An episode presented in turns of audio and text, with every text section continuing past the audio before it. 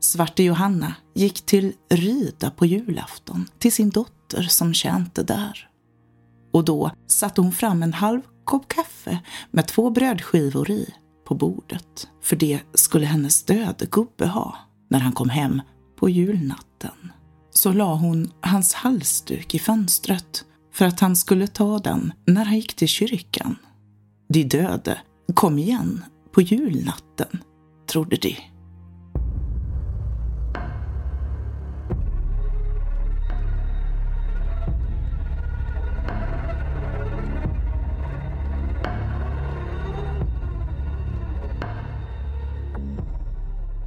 Hej och välkommen till podden med diverse rysligheter från både nu och då.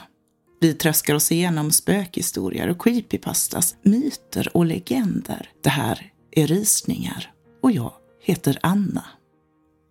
Svarte Johanna. Ja, det berättade Inga Andersson i Essunga socken och det nedtecknades 1926. I den gamla folktron så förknippades ofta årstidens mörker med spöken och onda väsen. Julen i sig var en tid av magi och mystik och i en tid där kyrkan var en viktig pusselbit i samhället, ja då var det väl inte så underligt att man trodde att de döda skulle uppstå just runt julen och att de skulle samlas i kyrkan. Berättelser om de döda som återvänder på jul, ja det har du kanske hört varianter på förut. Det finns många olika berättelser som har eh, kunnat spåras ända tillbaka till 500-talet ute i världen. I Sverige finns berättelsen om de dödas julotta, bevarad så tidigt som 1600-talet, men troligtvis fanns den långt tidigare än så. Här kommer en variant av de dödas julotta.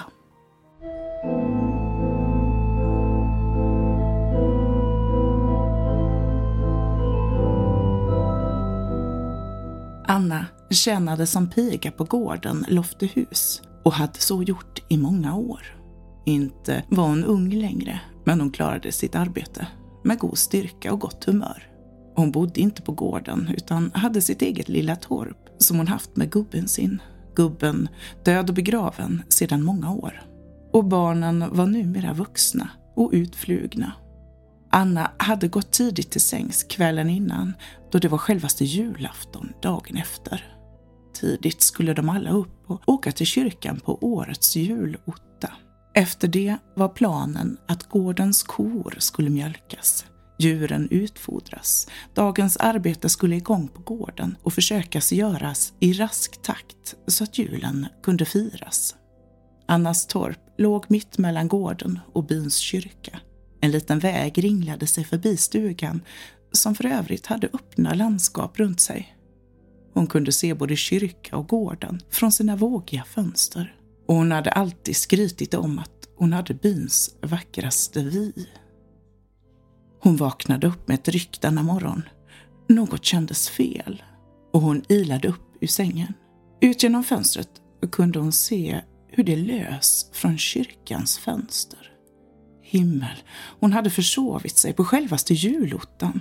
Med en faslig fart fick hon klätt sig, kastade sin svarta ullkappa runt sig och rusade ut genom dörren och mot kyrkan. Så fruktansvärt pinsamt att försova sig och komma sent till julottan, kyrkans viktigaste stund. Vad skulle de nu säga om henne i byn? Och vad skulle prästen tänka? Och kanske allra värst, vad skulle Gud den allsmäktige fadern tycka om hennes fadäs? Hur så illa, så hemskt, hemskt illa.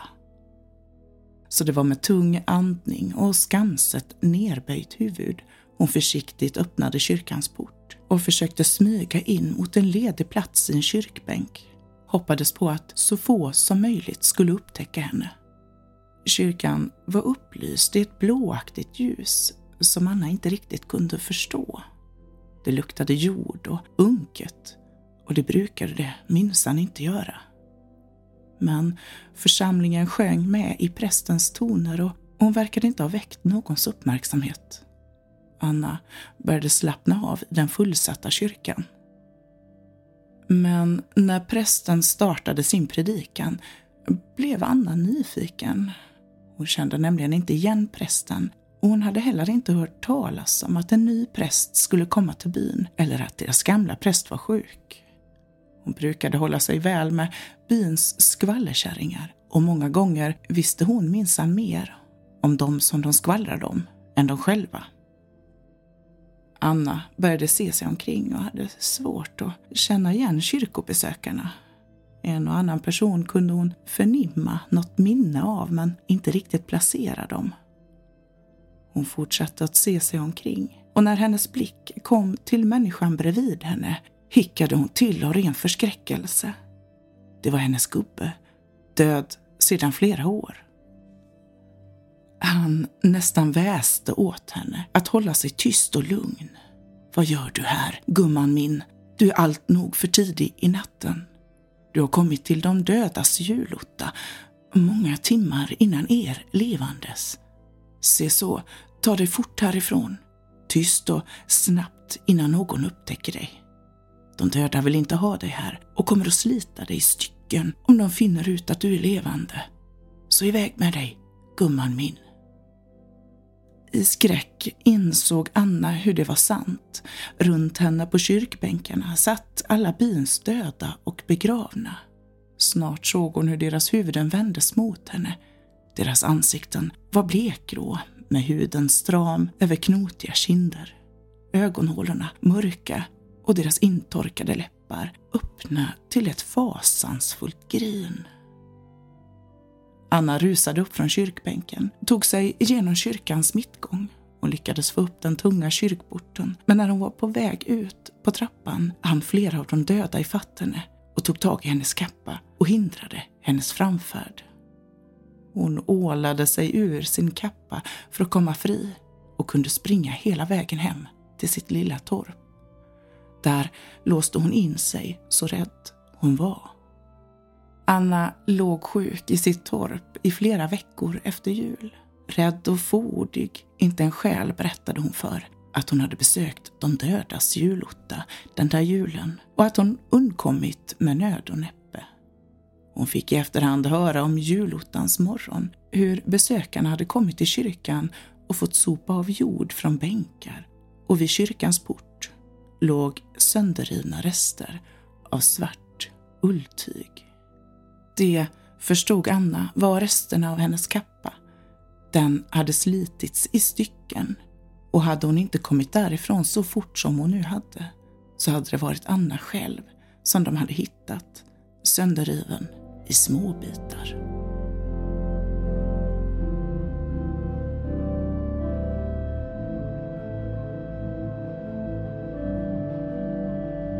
Ja, det var de dödas julotta.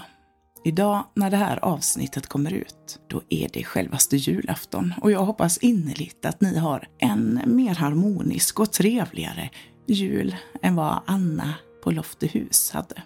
Själv har jag det. Mig veterligen så firar jag bara bland de levande. Men det är ju inte alltid de döda som man ska passa sig för.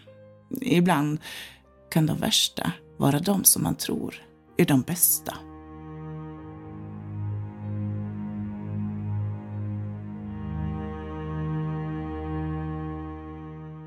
Innan jag fyllde fem år hade jag och min familj hunnit flytta sju gånger. Min familj bestod av mig, min mamma och min lillebror som var tre år yngre än mig. Vi var inte helsyskon, vi hade olika pappor.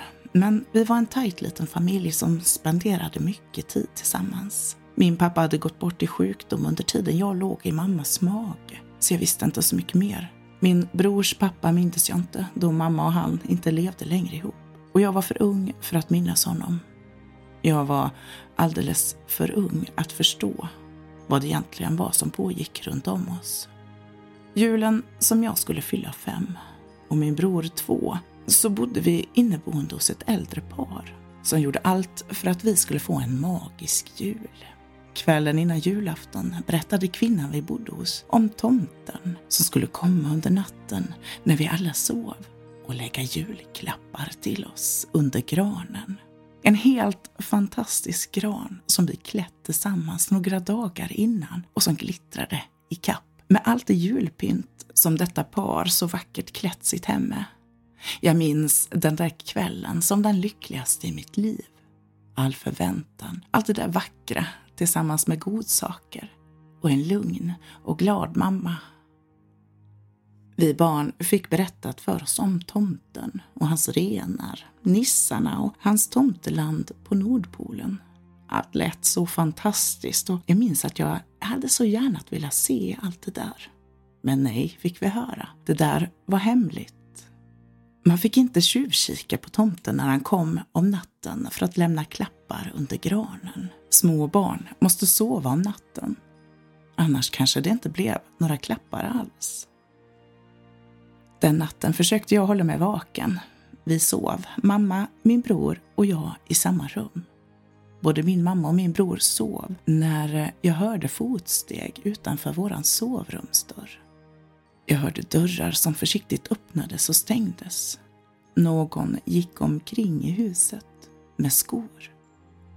Det kittlade i mig av spänning. Naturligtvis var det tomten som kommit för att lämna julklapparna under granen. Jag var så spänd att jag knappt vågade andas. Efter en stund blev jag så nyfiken att jag försiktigt kröp ur sängen. Jag tassade ut ur rummet för att försöka få mig en liten titt på tomten. Se om det verkligen var sant. Och se tomten, det fick jag. Men han såg inte alls ut som jag hade förväntat mig. Mitt barnasinne hade bestämt sig för att det var just tomten jag nu hade framför mig. Så även om hans utseende inte alls stämde med hur han borde se ut så fanns det inget tvivel i mig just där och då. Han fick eh, snart syn på mig när jag stod och kikade fram från en dörröppning. Så nervös att mitt lilla hjärta rusade. Tomten klädd i mörka byxor, svart jacka och en keps neddragen långt ner i ansiktet. Så jag kunde inte se hans ögon. Men han log åt mig och viskade Hej där, Nina. Jag nickade febrilt, men jag fick inte fram ett enda ord. Och han fortsatte med Säg mig, vart är din bror? Och medan jag pekade in mot sovrummet, där min bror och mamma låg och sov, så fortsatte han Kan du hämta din bror utan att väcka din mamma? Jag nickade igen. Glädjen rusade i mig. Jag skulle göra som tomten bad mig. Kanske skulle jag då få en extra fin julklapp och jag skulle få visa min bror att tomten faktiskt var här. Jag smög försiktigt in i sovrummet, så tyst jag kunde väckte jag min bror som knorrade och gnällde innan han vaknade till ordentligt.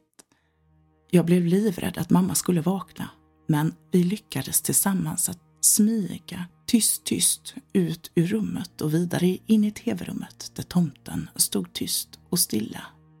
Jag höll min bror i handen när han mötte oss med ett brett leende. Därefter hände allting snabbt. Han plockade upp min bror i sin famn, rufsade om mig med sin hand i mitt hår för att sedan ta sig ut ur huset snabbt och tyst. Jag stod ensam kvar i vardagsrummet med bara belysningen från julgranen tindrandes. Jag blev så rädd för jag insåg att jag nu hade förstört allting. Jag hade precis så som man inte fick tjuvkikat på tomten när han kom för att lägga klappar under granen. Jag hade gjort tomten arg, men han hade inte nöjt sig med att inte lämna klappar till oss. Han hade ju även tagit min bror med sig. Jag smög tillbaka till sängen där min mamma nu låg ensam och sov. Jag kröp ner under täcket och kände mig skamsen över vad jag hade ställt till med. Samtidigt som jag ville väcka mamma och berätta så skämdes jag så mycket att jag inte vågade. Så särskilt orolig för min bror, det var jag inte. Han hade ju fått följa med tomten och hade förmodligen världens äventyr att vänta hos tomten i hans magiska land. Det var tårar av avundsjuka som trillade ner på min kudde den natten. Jag vaknade på morgonen av att min mamma förtvivlat skakade om mig. Hon grät och skrek och frågade om jag hade sett min bror. Hon for omkring i huset, letade överallt. Paret vi bodde hos likaså. Jag sa inte så mycket. Jag hjälpte heller inte till att leta. När någon frågade om jag visste någonting så skakade jag bara på huvudet, rädd och förtvivlad. Det var ju mitt fel att lillebror var borta. Jag hade gått upp för att titta på tomten mitt i natten och han hade hämnats med att ta min bror med sig. Jag var alldeles för rädd för att säga något den gången. Jag ville inte att det skulle vara sant, att det skulle vara mitt fel. Polisen tillkallades och en utredning om bortförande startades. Men aldrig, inte ens idag, 30 år senare, har man funnit min bror. Det var inte förrän jag var mycket äldre som jag fick berättat för mig att vi under den tiden levde under skyddade identiteter och hela tiden var på flykt. Jag har förstått att min mamma under den här tiden levde i konstant skräck över att fel person skulle hitta oss och göra oss något. Min mamma har, nu när jag är vuxen, berättat om hur vi gömde oss från min lillebrors pappa. Hur han varit våldsam mot oss alla tre. Hon hade fruktat för våra liv. När hon lämnat honom och även fått ett kontaktförbud mot honom hade han gång på gång hotat att komma och hämta sin son och han hade även gjort några försök.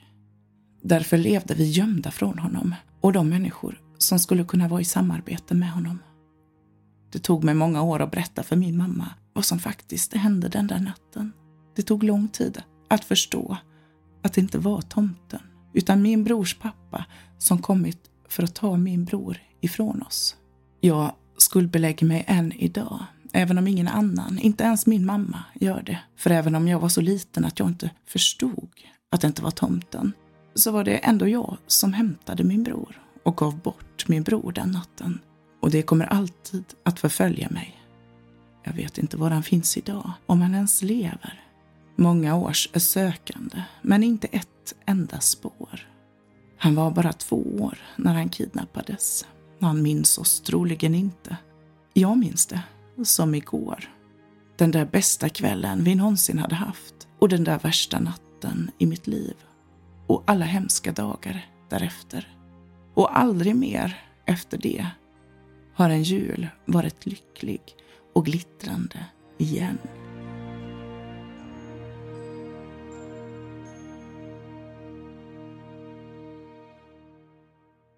Usch ja. Nu börjar det bli dags att ta adjö i avsnittet i sig och snart för året som gått. Nästa avsnitt som kommer ut på självaste nyårsafton, ja, då är det dags för någonting nytt. Så missa inte det. Har du någonting du vill dela med dig av så får du gärna mejla mig på rysningar78 gmail.com eller så hittar du mig på Instagram eller Youtube som rysningar. Ni ska få en story till, skriven av Reddit-användaren Harvest Moon Jack. Den heter Ett avtal vid jul. Och med den vill jag önska er alla en riktigt god jul.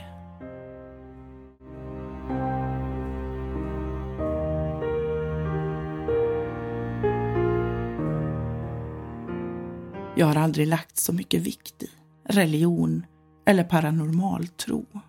Jag har alltid sett mig som en rationell och logisk man. Enkelt så har jag trott på det jag kan se. Sånt som är handgripligt, beräkneligt. Men sanningen är den att allt det där flyger sin kos när man hör ordet obotlig. När man hör det ordet, när man inser, vad har man då att förlora? Det är bara en tidsfråga innan hela världen rasar samman. Ja, så vad fan. Varför inte se om det verkligen inte finns något där ute som skulle vilja vara villiga att hjälpa oss i en verkligt behövande stund. Jag fick reda på att det var ett år kvar, ironiskt nog, dagen efter nyår. Det tog mig en vecka att inse att sörja situationen på det viset som jag gjorde inte skulle leda någonstans. Så jag tog mig samman så mycket jag kunde och försökte återfå ordning. Det var då min resa startade. För att finna svar på en fråga omöjlig att svara på. En resa som ledde mig till en rätt underlig figur. Och jag låter det vara upp till er att bedöma huruvida det är en djävul eller en ängel. Eller kanske något däremellan. Jag startade min resa från vad man skulle kunna säga var den sämsta ursprungspunkten. Jag studerade olika nutida religioner såsom kristendomen, buddhismen, paganismen och shamanismen och så vidare. Ja, jag tittade till och med närmare på excentriska sekter. Men mina böner till alla dessa förblev ohörda. Så till slut fann jag mig att söka till det mer okult och även här, trots att jag genomförde de många ritualerna som lovade gensvar från olika gudar, så var allt tyst. Jag fortsatte att söka efter en gud, en djävul, en demon, en ängel, spöke eller någonting annat som kunde hjälpa. Eller åtminstone besvara mig. Jag gick bet så många gånger. Allt jag fann ut var hur störd man kunde bli. Vare sig om deras gudar var goda eller onda så var de fortfarande tysta som i graven. Graven som i sin tur kröp allt närmare för varje återvändsgränd jag nådde. Det var inte förrän i december som jag till slut hörde hans namn den första gången. The Travel Man. Och lustigt nog så fick jag nys om den här genom sociala medier. Jag kom att läsa överskriften Spela aldrig med The Travelman. Det kan kosta dig livet. Detta fångade mitt intresse och jag klickade på länken till artikeln. Spelet är egentligen ganska enkelt. Om man nu lyckas anropa The Travelman så kommer han att erbjuda dig ett avtal. Hans första avtal är ganska torftigt, rent av obetydligt. Men varje gång du tackar nej till ett avtal så kommer hans nästa avtal att vara mer lockande. Men här kommer också en varning. Skulle du bli alltför girig kommer han att sluta och istället ta din själ. Och jag ska varna er. Jag kommer nu att berätta hur jag spelade detta spel. Så du läser på egen risk. Nu när jag har varnat er. Här är vad artikeln sa om hur man skulle kalla på The Travel Man. Först så behöver du ett stearinljus. Eller en lykta, det kan också fungera. För det andra så måste du vara ensam hemma. För det tredje ska du tända ljuset, eller lyktan, precis när mörkret faller om kvällen. Och gå till din ytterdörr. För det fjärde, knacka tre gånger på dörren och uttala The Travel Man, The Travelman, kom och gör ett avtal med mig. För det femte steget, du ska upprepa denna ritual sju kvällar i rad. På den sjunde kvällen, om du nu har lyckats tillkalla The Travelman så ska du se en välklädd man stå på andra sidan dörren. Och spelet har börjat. Jag var tveksam till att detta skulle vara mer effektivt än någon av de andra ritualerna jag redan försökt och misslyckats med. Men ändå såg jag nu till att följa ritualen till punkt och pricka och till min stora förvåning, på sjunde kvällen, så stod han där. Uppklädd i den vackraste kostym jag sett. Renrakad, välklippt och väldoftande med ett övertygande leende på sina läppar. Medan jag öppnade dörren höll han upp en portfölj och erbjöd mig 200 kronor. Jag tackade vänligt nej. Han nickade och drog då fram en silverpenna och menade att denna penna skulle aldrig komma bort eller få slut på bläck. Återigen tackade jag vänligt nej och så höll det på ett tag. För varje gång jag tackade nej så erbjöd han mig ett bättre avtal. Men jag fortsatte att neka varje gång. Till slut vände han sig mot mig, tittade mig djupt i ögonen och sa Du har nekat alla avtal jag hittills gett dig. Jag ser ingen girighet i dina ögon. Jag ser smärta, begär, sorg, desperation. Ja, men ingen girighet. Vad är det du söker och vill ha som avtal med mig? Efter en lång paus så kunde jag till slut viska fram ordet liv. The Travelman tittade nyfiket på mig och sa Jag känner inte döden för dig. Ditt liv är intakt, kropp och sinne och själ. Jag skakade då på huvudet och sa till honom, nej, denna kroppen mår bra. Men min fru ligger på sjukhuset med döden som kryper närmare för varje sekund som vi står här. Han såg på mig med ett outgrundligt ansiktsuttryck och sa Åh, så du är här för någon annan? Jag frågade Kan du hjälpa henne? The Travelman nickade och sa Naturligtvis, men du ska veta om du stoppar någons död måste någon annan ta dess plats. Döden gillar inte förändringar. När jag sa till honom att jag kunde ta hennes plats så log han tveksamt och skrockade. Men sedan skrek han åt mig. Det är inte du som bestämmer vad mitt avtal ska bli. Hans leende kom sedan tillbaka och med en gest med sin hand så sa han Nå, detta är en ovanlig förfrågan. Men eftersom det är en speciell tid på året så tror jag att jag har ett helt perfekt avtal för oss båda. Om du accepterar detta avtal kan jag lova dig att du och din underbara fru kommer att leva ut era dagar lyckliga och friska. Jag såg på honom och frågade vad han ville ha i gengäld. Han log då, ännu bredare, och sa Nå, vi kommer till de detaljerna senare. Du har mitt ord på att inget ska påverka dig och din familj direkt, så länge du håller din del av avtalet. Har vi en deal? Samma ögonblick som min hand skakade hans försvann han och åter var jag ensam i huset. När jag kom till min frus rum på sjukhuset nästa dag var det tydligt att hon mådde bättre. Hennes leende var tillbaka och hon klarade av att sitta upp helt själv. De kommande dagarna så piggnade hon på allt mer och på självaste julafton så fick vi de bästa nyheterna vi någonsin fått hittills. Läkaren berättade att alla tecken på sjukdomen var som bortblåsta. Det var som att min frus sjukdom aldrig existerat. Och för första gången på ett år så andades jag ut. Vi firade jul och nyår tillsammans, lämnade knappt varandras sida. Jag var så lycklig. Jag hade fått min fru tillbaka och jag hade nästan glömt avtalet jag slutit den natten. Tills jag en morgon fick ett brev. Ett kuvert utan returadress och en liten notering där det stod Glöm inte. Jag öppnade kuvertet som innehöll ett överdådigt dekorerat julkort och som hälsade God Jul i efterskott. Tillsammans med kortet fanns också en liten lapp med en utsökt handstil varpå följande ord stod.